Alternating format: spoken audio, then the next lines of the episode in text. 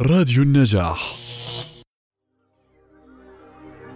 سوف نأخذكم برحلة بين سطور الحضارات والثقافات المختلفه وسوف نطرح في كل مرة قصة مثل أو حكمة. كونوا معنا في برنامج على رأي المثل. معي مضيفتكم إيمان أبو سارة عبر أثير راديو النجاح.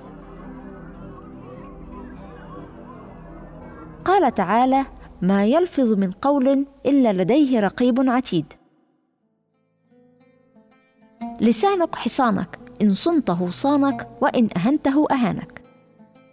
يقول المثل الفلبيني الفم المطبق لا يدخله الذباب. ويقول بعضهم أسكتتني كلمة عبد الله بن مسعود رضي الله عنه عشرين سنة حيث يقول من كان كلامه لا يوافق فعله فإنما يوبخ نفسه. سكت الأحنف يوما بمجلس معاوية رضي الله عنه فقال له معاوية ما بالك لا تتكلم يا أبا بحر؟ فقال أخافك إن صدقت وأخاف الله إن كذبت. وقال الشاعر احذر لسانك أن تقول فتبتلى إن البلاء موكل بالمنطق. كم في المقابر من قتيل لسانه كان التهاب لقاءه الشجعان.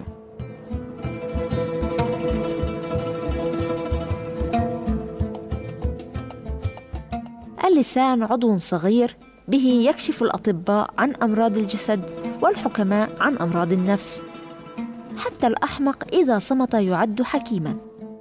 وقالوا إياك أن تقطع بلسانك عنقك. اللسان عضلة تكمن وراءها كل معضلة. إليكم قصة قصيرة وعبرة كبيرة.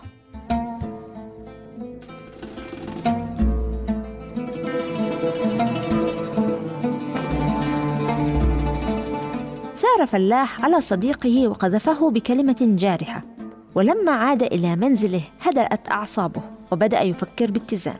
كيف خرجت هذه الكلمة من فمي؟ ينبغي أن أقوم وأعتذر لصديقي. فعاد الفلاح إلى صديقه في خجل شديد وقال له آسف فقد خرجت هذه الكلمة عفوا مني اغفر لي. قبل الصديق اعتذاره ولكن عاد الفلاح ونفسه مرة كيف تخرج مثل هذه الكلمة من فمه؟ ولم يسترح قلبه لما فعله. فالتقى بحكيم القرية واعترف بما ارتكب.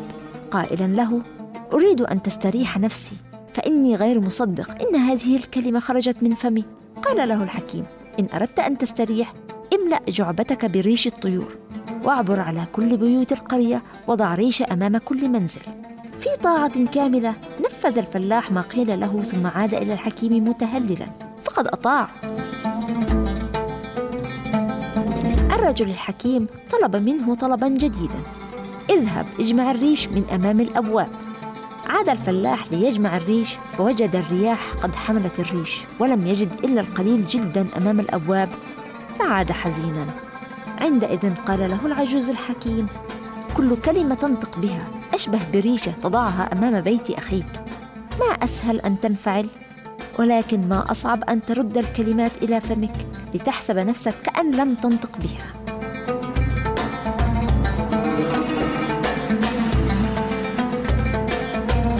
كثيرا ما نخطئ في حق الآخرين وكثيرا ما يخطئون في حقنا ولكن متى نعتذر؟ كيف نعتذر؟ أحيانا لا يكفي الاعتذار.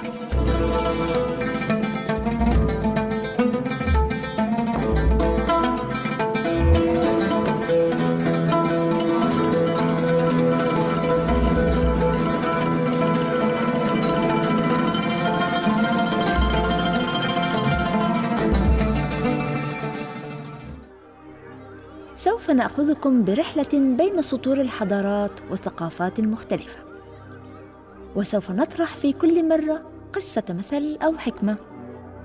كونوا معنا في برنامج على رأي المثل. معي مضيفتكم إيمان أبو سارة عبر أثير راديو النجاح.